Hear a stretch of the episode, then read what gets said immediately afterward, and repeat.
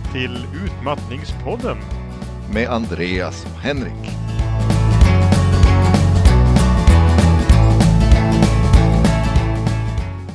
Hej Henrik! Hej Arne! Har vi börjat nu? Spelar vi in? Nu har vi börjat. Nu är det dags för ännu ett avsnitt av Utmattningspodden. Vi kom ju, vi kom ju liksom in på förra avsnittet eh, och många tidigare avsnitt att man kan ha olika typer av stress, men vi kanske inte riktigt förklarat till slut vad stress faktiskt är. Och här är det väldigt viktigt att vara på det klara med det eftersom det är en sån där sak man måste utsätta sig för i precis lagom doser. Och för att veta hur man gör det måste man veta vad stress faktiskt är, eller hur? Ja, vad är stress Henrik? Ja, jag tenderar ju att kanske använda ordet stress på ett sätt som folk inte riktigt känner igen tyvärr. Mm -hmm. Det är ju inte perfekt men som psykolog så får man lite annorlunda förhållanden till ja, men ord som ångest och stress än andra får. Eh, de är ganska likartade och om man tar ordet stress så betyder det ju specifikt belastning egentligen. Det finns olika yeah. nervsystem i kroppen. Eh, man kan säga att det finns eh, det liksom uppiggande nervsystemet, nervsystemet sympaticus Mm -hmm. Att aktivera det är liksom stresspåslag och det är egentligen grunden av det jag menar med eh, stress. Liksom kognitiv belastning när jag använder det ordet som psykolog. Mm. Och när jag pratar om det i den här podden. Sen finns det också det här avslappnande nervsystemet, parasympaticus, liksom, som man vill få igång när man ska sova och när man ska återhämta sig i allmänhet. Men när helst det blir liksom någon fart i hjärnan för att tänka på ett mattetal eller liksom prata med någon eller sortera sinnesintryck eller hämta fakta och sortera fakta. Alla de där ja. sakerna innebär egentligen en slags psykisk stress, en psykisk belastning. Eller bara att vara vaken föreställer jag mig. Ja, precis. Det går extra mycket kalorier när man är vaken så att säga. Och det är ju mycket till att driva hjärnan så den kan hantera alla de här processerna som man har normaliserat. Det här är ju extra aktuellt för en utmattad person eftersom man inte har samma förmåga att hantera stress och eh, inte samma ork som tidigare. Eller hur? Mm. Nej, precis. Kan du berätta om saker som just nu är stressande för dig, Arne? Ja, eh, det är, eh, jag skulle vilja gå tillbaks lite i min egen historia här bara och mm. säga att, att eh, vad, vad stress är mm. för mig är ju har ju, jag har förändrat min, min uppfattning om det här. Från att, eh, och jag tror att jag har närmat mig det du pratade om precis. Eh, därför att tidigare så har jag ju föreställt mig, när någon sa stress så har jag ju tänkt mig en människa som har väldigt mycket att göra. Mm. Du har lite för många saker och man är stressad så att, att man känner det i magen och eh, man springer runt, runt i en cirkel är känslan som jag försöker beskriva här. Och eh, det jag har kommit fram till nu är att det behöver ju inte alls vara så. Det behöver ju inte, du kan vara, om man ser det som belastning som du pratar om, mm. så går det ju att vara eh, stressad på ett sätt som inte är bra för en utan att man egentligen förstår det själv. Förrän efteråt. Mm. Förstår du vad jag menar då? Ja, det tror jag verkligen att jag gör. Mm. Det är väldigt mycket man har automatiserat som vuxen så att säga. Man har genom hela sin uppväxt och alla år man har levt vant sig vid att sortera bland sinnesintryck från småbarnsåren när man först börjar lista ut vad som är viktigt och bry sig om vad som är liksom språk och vad som bara är bakgrundsbrus och, och strunta i det allra mesta som finns omkring en. Och det är ju faktiskt en, en typ av, mm. av psykisk belastning det, även om som det mesta man blir, som man blir helt liksom automatiserad inom så märks det inte efter ett tag. Det märks inte att det är system som automatiskt sitter påkopplade. Mm. Som om man har en dator, Windows och slår på Ctrl Alt Delete så kan man se alla processer som är igång i bakgrunden som man inte märker. Liksom. Det finns ganska Nej. mycket som kan ta ganska mycket av datorns processorkraft där. Samma med hjärnan då. Eh, ja, för det där är det, det jag har, har, har tänkt på sen, eh, sen det här sjukdomen kom. Mm. Eh, är ju att det det är många saker som tidigare var uttalat avslappnande och mm. vilsamma och hade en återhämtande kvalitet. Eh, som skogspromenader med hunden, mm. då jag är tvungen att gå och vila mig efteråt. Mm. När jag tidigare kom hem och var uppiggad av att ha fått vara ute va, i mm. naturen och, och, kunde ta itu med någonting nytt. Samma sak på jobbet, eh, när det är fikapaus. Eh, tydligt eftersom det är en paus i arbetet tydligt menad att vara mm. återhämtande. Och för de flesta är den det. Men som det är för mig idag så är det, går det åt väldigt mycket energi både att själv prata med människor men, men även att bara lyssna. Även mm. att bara sitta med och lyssna kan, kan tömma batterierna. Och det är mm. någonting nytt. Så. Det där är ju intressanta exempel och vi kan ju fundera lite grann kring dem för att se om det går liksom isolera vad det är som är stressande med dem.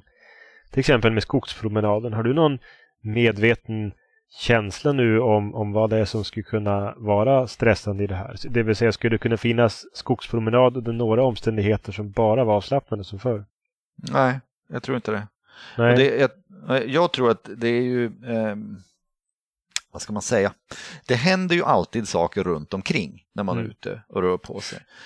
När jag går i, i, i stadsmiljö och är bland mycket människor, då är det ju väldigt lätt att tänka, att jag har väldigt lätt att föreställa mig att här är det en massa människor och bilar och jag måste förhålla mig till olika saker i rummet. Mm. Och de, de låter, bilarna lever om och, och, människorna rör sig på samma trottoar som mig och jag måste, jag måste styra både, både ljud och bild eh, på något sätt för att, att kunna fungera. Mm. Och det är återigen ett exempel på, som du sa, något som tidigare var automatiserat eh, som har varit med hela tiden men det är först nu jag märker det. När jag är ute i skogen då finns ju inte de där bitarna. Och det är, är det du far. Är det, det jobbigare det i stan än i skogen då? Det är jobbigare i stan än i skogen. Mm. Men det är ju inte ojobbigt i skogen.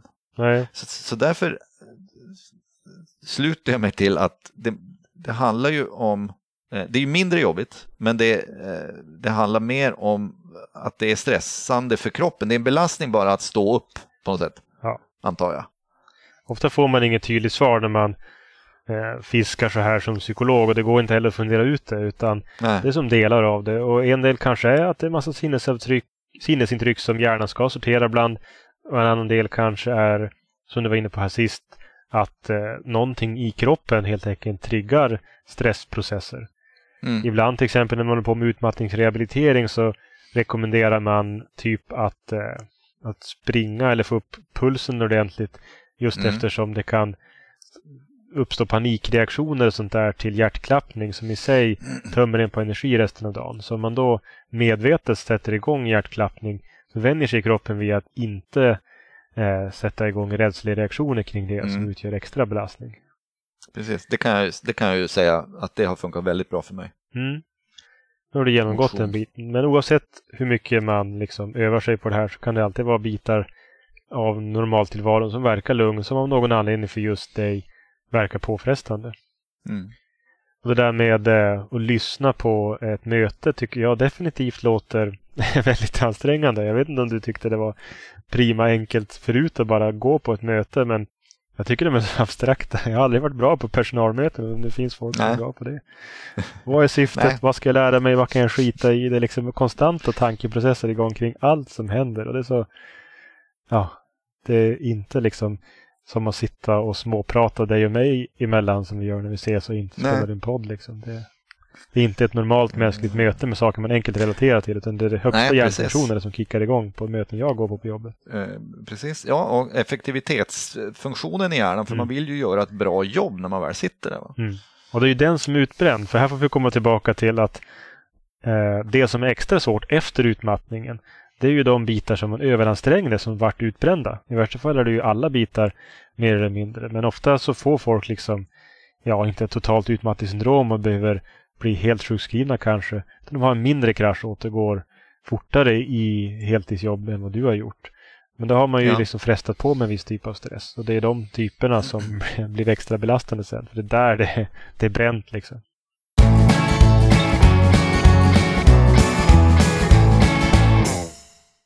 den biten som man har, har bränt ut är den mm. som det är, är svårt att belasta då sen. Men mm. hur, eh, finns det någon känsla för inom psykologgebitet hur specifikt det här är? Om jag, om jag har bränt ut mig när jag satt framför datorn, kommer jag ha svårt att läsa tidningen på datorn när jag kommer hem då?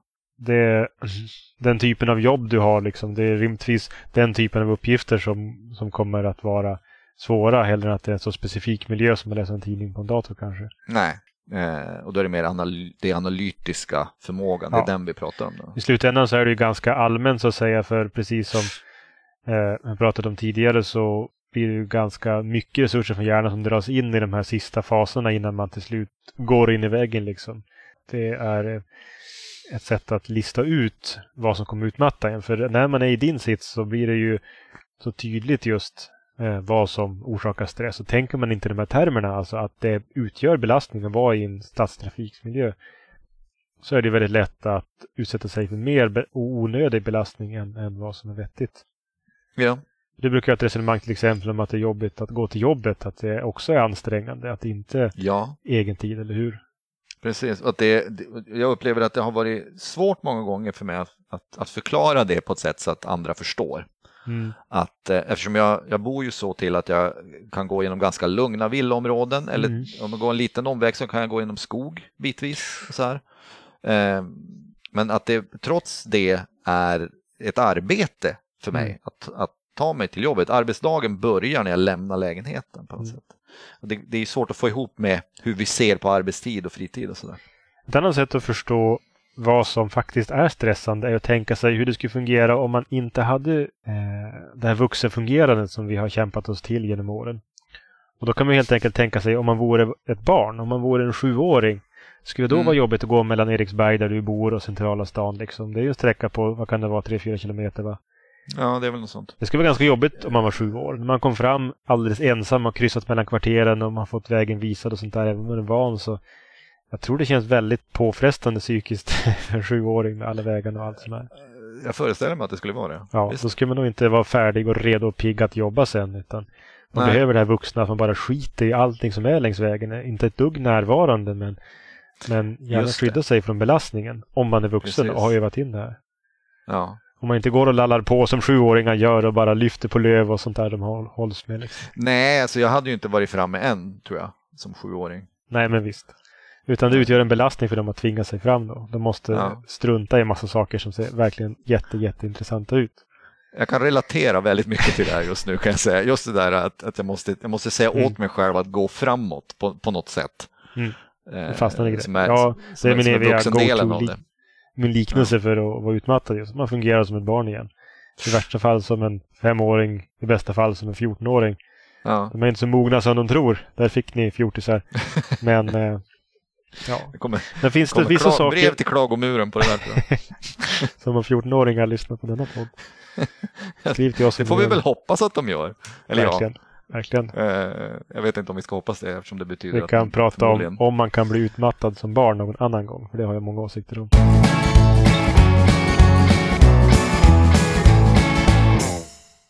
Finns det andra saker som folk liksom tror är stressande eller belastande för dig men som du faktiskt mm. har lätt för? Eh, en sak, det, det uppenbara eftersom vi spelar in podd om saken är ju att, att jag har väldigt lätt för att prata om mm. att jag är sjuk. Jag kan, jag kan ha en distans till mellan mig själv och mm. det jag upplever. Mm. Så. Eh, vissa, de flesta dagar, vissa dagar går det inte kan jag mm. säga. Så att, eh, men de dagarna spelar vi inte in podd. så, förslagsvis. Jag tycker det låter som en bra idé. Eh, men det här, eh, hur ska jag förklara det här då? Alltså det baserar sig ju på eh, någonstans i början av hela den här sjukdomsresan så insåg jag att det finns väldigt mycket människor som skäms för saker som inte är deras fel. Alltså att mm. du, du skäms för att det är en psykisk ohälsa, va? Att, eh, att hjärnan inte gör som den brukar. Eh, jag har ju haft depression också eh, i samband med det här och det, depression är också någonting som folk har en väldigt tydlig skam över. Och eh, dels den biten att, att de här människorna finns och inte orkar prata om det. Och att eh, jag tydligt kände från början att det är ju inte mitt fel att det här har hänt. Det är mm. inte jag som individ som är, som är orsaken till det här. De två tillsammans har gjort att jag, att jag pratar väldigt mycket och gärna när folk vill lyssna. Jag försöker ju känna av om de inte vill lyssna. Det finns ju sådana också. Ja, det var ju bra. Annars hade jag trott att det var en sån där slusk som går och prackar dina problem på vem som helst. Jag försöker låta bli, men eh, jag har säkert misslyckats. Säkert misslyckats med det någon gång också. Men eh, ja. om folk vill prata så ställer jag upp. Men det är en sån sak som, som folk upplever det lite märkligt att, att jag inte mår sämre av det. Andra tänker att det skulle vara belastande för dig att Mm. berätta att du mår dåligt och sedan att prata inför folk överhuvudtaget. Liksom. Ja, Ty, typ som på en podd. Liksom. precis. Eh, och det är, jag har ju varit aktiv i studentlivet i Uppsala, som du, Mm. som du vet, eh, som jag säkert har nämnt tidigare. Så jag har ju under studietiden fått hålla mycket föredrag och lärt mig att tala spontant inför människor. Och som, som, som jag, har lärt, som jag, jag har lärt mig väldigt mycket om hur jag ska tala inför människor så Mm. att jag själv mår bra av det och tycker att det är roligt. Mm. Eh, så så det är en en situation som är unik för, för min Men om vi, om vi hejdar dig där så kan man ju fundera över att det här är värt att fundera på apropå vad som är stressande. För att eh, även om du som jag kommer från ett nordnorrländskt län där det kanske inte är så, så många som pratar offentligt och tycker om den saken och pratar om känslor än i Värrehuvud. Där kan vi prata mycket om vår bakgrund kring det Ja, så är det här fortfarande lätt för dig trots utmattningen. Och som jag sa tidigare så är det väl ofta att eh, det som man håller på med när man blir utmattad är det som man blir sämre på sen. Och ditt Mm. jobb inkluderade ju inte alls på något sätt att, att liksom pressa dig till det yttersta gällande att hålla tal, att kuta runt olika scener och prata inför folk. Det är ju Nej. påfrestande även för dig. Sen så inte så påfrestande som folk tror, för du har övat mycket på det här kanske tack vare Mm. vårt, ditt studentikosa-liv och sånt där. ja, precis. Men det är ju inte påfrestande nu. Det var ju liksom inte där utbrändheten kom. Nej. Och det är ju bara att tacka och ta emot. Men det finns sådana här områden som man klarar av så att säga. Mm. Det gäller att hitta dem, det kan jag ju säga. Sen är det ju stressande i alla fall. Vad jag vet så brukar du se väldigt mosig ut efter varenda sån här poddinspelning. Så det är inte fråga om att spela in två avsnitt på rad direkt. Nej, absolut inte. Nej, då, jag, jag, går och, jag, jag får gå och lägga mig efter Mm. varje inspelning. Jag vilar ju i flera gånger per dag Mm. normalt. Eh, efter att ha typ ätit lunch eller diskat eller något annat sånt Mm. där vansinnigt ansträngande. Så, eh, så Vi kan prata mer om som- återhämtning någon annan gång. Och det är klart, Ja, kort får man bara säga att det är ofta ganska uppenbart vad man ska göra för att vila och man får inte vara rädd för att vila och inte låta liksom känslor som skam och hur mycket borde jag vila, hur mycket borde andra vila vägleda utan kroppen Ja. känner ofta efter ungefär hur mycket man faktiskt orkar. precis. Nej, Eh, det här med är skam- svårt att lyssna, men Ja. det, det är någonting som, som det, jag har lärt mig över tid. Det har tagit lång tid, Mm. men jag har, jag, har, jag har lärt mig saker på vägen. Lyssna på kroppen.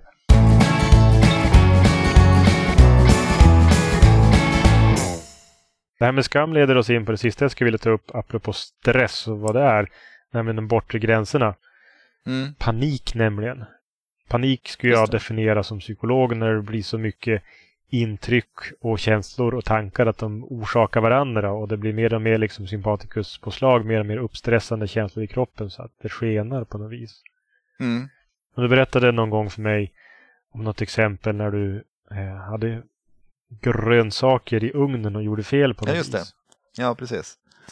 Mm. Det, eh, det, eh, jag skulle rosta grönsaker. Mm. Det här är ganska länge sedan nu, så det var, det var ganska tidigt i Mm. den här utmattningsupplevelsen. Mm, var. Eh, och jag hade svårt, vid tiden så var det svårt för mig att följa recept. Mm. Eh, och det var, det var ett steg framåt och lite av en seger att jag kunde följa ett recept om jag, om jag fick vara i fred och helt ensam men, och stå i köket själv. Liksom. Eh, och som ni förstår, att rosta grönsaker i ugn är ju någonting som, det är inte så komplicerade recept kan vi säga. Nej. Eh, men jag hade glömt slå på grillen.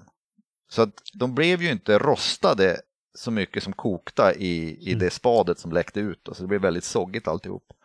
Och det som hände där och då var ju att jag satte mig ner på köksgolvet med huvudet i händerna och tänkte att jag vet inte vad jag tänkte men jag, lite som att om jag bara väntar ut det här så kommer det att gå över. Mm.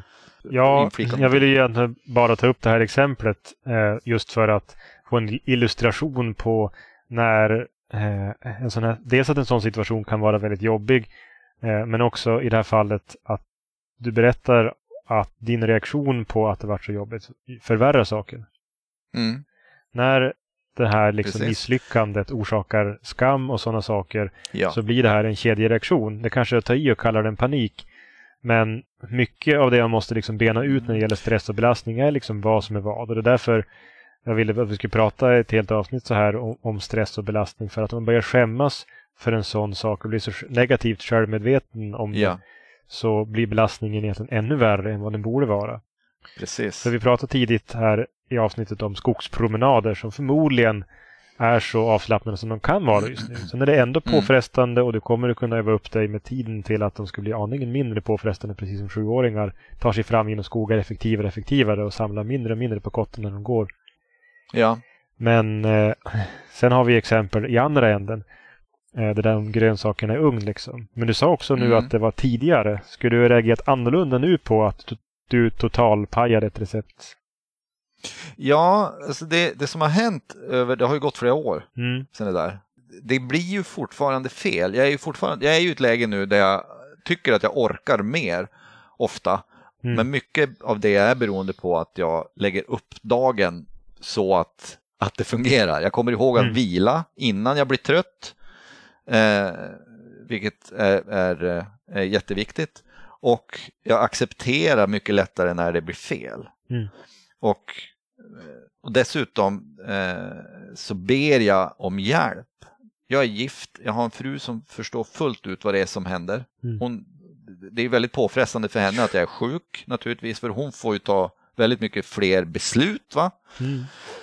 Till exempel, och hon får ju, får ju förhålla sig till mig eftersom jag inte funkar riktigt som jag gjorde förut. Eh, men från början var det väldigt svårt för mig att be henne om hjälp fastän hon förstod att jag behövde hjälp.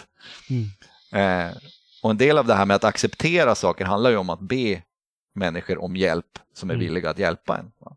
Och då blir ju ett sånt här misslyckande mycket, mycket mindre. Nej, men det här är precis de färdigheter man övar upp som liten. Att man blir bättre på att be om hjälp och förstå när man ska be om hjälp och att ge ut ansvar utanför sig själv så att man på det hela taget får lättare att hantera problem som dyker upp. Mm. Om man mm. ser åt en sjuåring att eh, se över försäkringarna eller liksom fixa en fyra rätters måltid och sånt där komplett med inköp så får de ju ja, överbelastningskaos om de ens greppar uppgiften och inte bara kutar in i legorummet och gömmer sig för all framtid. Precis. Men sen bygger de ju över livet upp förmågan att lista ut hur man tecknar en hemförsäkring och allt vad det är och att ingenting känns oöverkomligt förhoppningsvis. Mm. Där får man börja om när man blir utmattad, precis som du har tagit det väldigt långt från det där tillfället när du fick panik. Det speciella med det här skenandet är att det tömmer batterierna väldigt fort. Va? Att mm. man liksom överhettar och uppnår en miniutmattning över dagen ofta. Det ja, kan ja. de flesta människor kanske känna igen, att om man varit med om någonting riktigt traumatiskt eller rent av man varit livrädd för någonting eller något så hemskt så är man ganska utmattad och tömd sen. Ja. Så saker kan eh. vara väldigt, väldigt olika belastande och för en nyutmattad så är det mesta sådär nästan panikframkallande att man blir helt tömd av enskilda saker som är väldigt små för en. Men man får vara öppen och ödmjuk inför konceptet stress. Just att eh, psykisk belastning eh, sker över hela dagarna när man minst anar det. Att man måste mm. bli mer och mer accepterande inför att det händer och förstå ungefär vad det är som gäller just en själv. Och inte vara rädd för att vila. Även om det är vansinnigt tråkigt ofta att behöva gå och lägga sig, känner jag. Eh, men, men, men, men att göra det i förebyggande är mm. någonting som har, har hjälpt mig väldigt mycket. Jag märker att jag håller bättre på kvällen sen. Än till exempel. Eh, jag skulle vilja säga bara att det är, eh, som du var inne på där med det här grönsaksexemplet där visar ju på, det är ju på väg mot panik alltså. Att, mm. att eh, misslyckandet och skammen och att inte be om hjälp, allt det där eh, tillsammans förvärrar hela situationen. Och eh, någonting som jag har lärt mig på vägen där är ju att jag behöver inte skämmas när det blir fel. Mm. Och eh, man kan, jag vågar be om hjälp och jag vill be om hjälp och det har gjort allt det här mycket lättare. Så det har varit en, en, en svår väg att lära sig det men, men det går att komma framåt.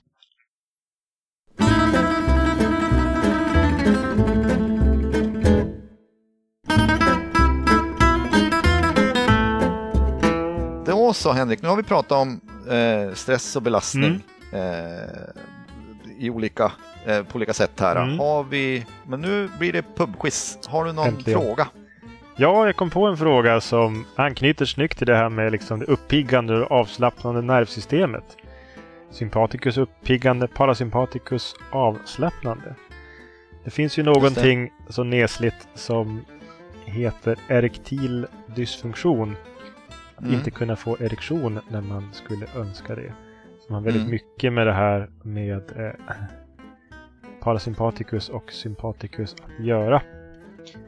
Eh, det är Just nämligen det. så att eh, erektion, både kvinnor och män, eh, kvinnor är motsvarighet till manliga förstås, eh, styrs av det ena av de här systemen.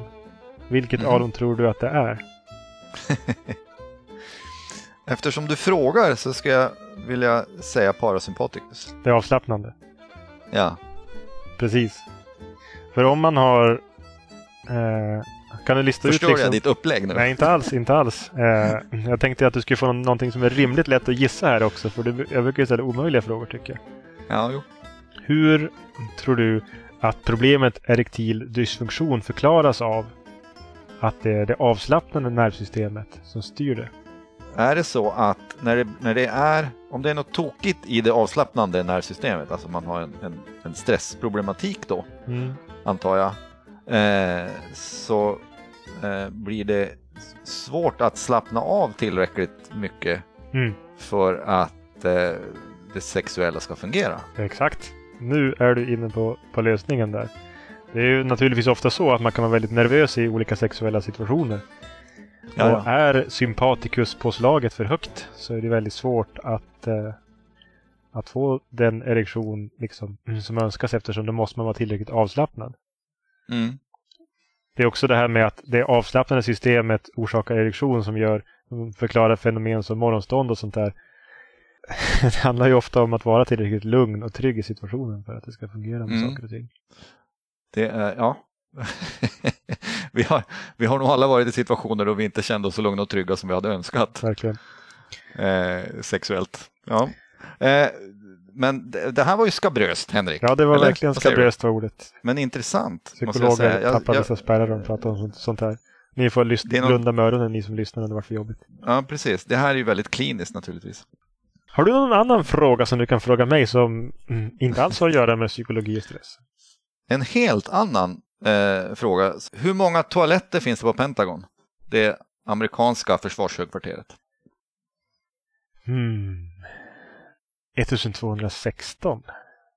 Jag vet faktiskt inte det exakta antalet, Nej. ska jag erkänna. Nej. Men rätt svar här är dubbelt så många som det behövs. Så följdfrågan är då varför finns det på Pentagon två gånger fler toaletter än man egentligen behöver? Får se om jag kan gå på någonting på det här då. Nej, jag vet inte. Man började ju bygga det här under andra världskriget mm. och segregationen inom försvarsmakten i USA. Eh, jag tror att man desegregerade försvarsmakten 1948. Så det är för svarta och vita. Eh, precis, så det, det är toalettuppdelad efter ras. Sen om de har kvar alla i drift, det vågar jag inte svara på. De kanske har gjort om dem till städskåp eller så. Det var en spännande bitfakta det också. Tackar ja, så mycket för det. Och tacka Tack för idag. lyssnare som hängt med ända hit. På utmattningspodden.se hittar ni länkar till allt vi pratat om. Och där finns också kontaktuppgifter och hör jättegärna av er. Och lyssnarfrågor kommer att behandlas i särskilt insatta specialavsnitt. Och musiken som vi använt i det här programmet är Holiday in Toontown av Texas Gypsies och Coffee av Josh Woodward. Och länk till dem finns också på utmattningspodden.se.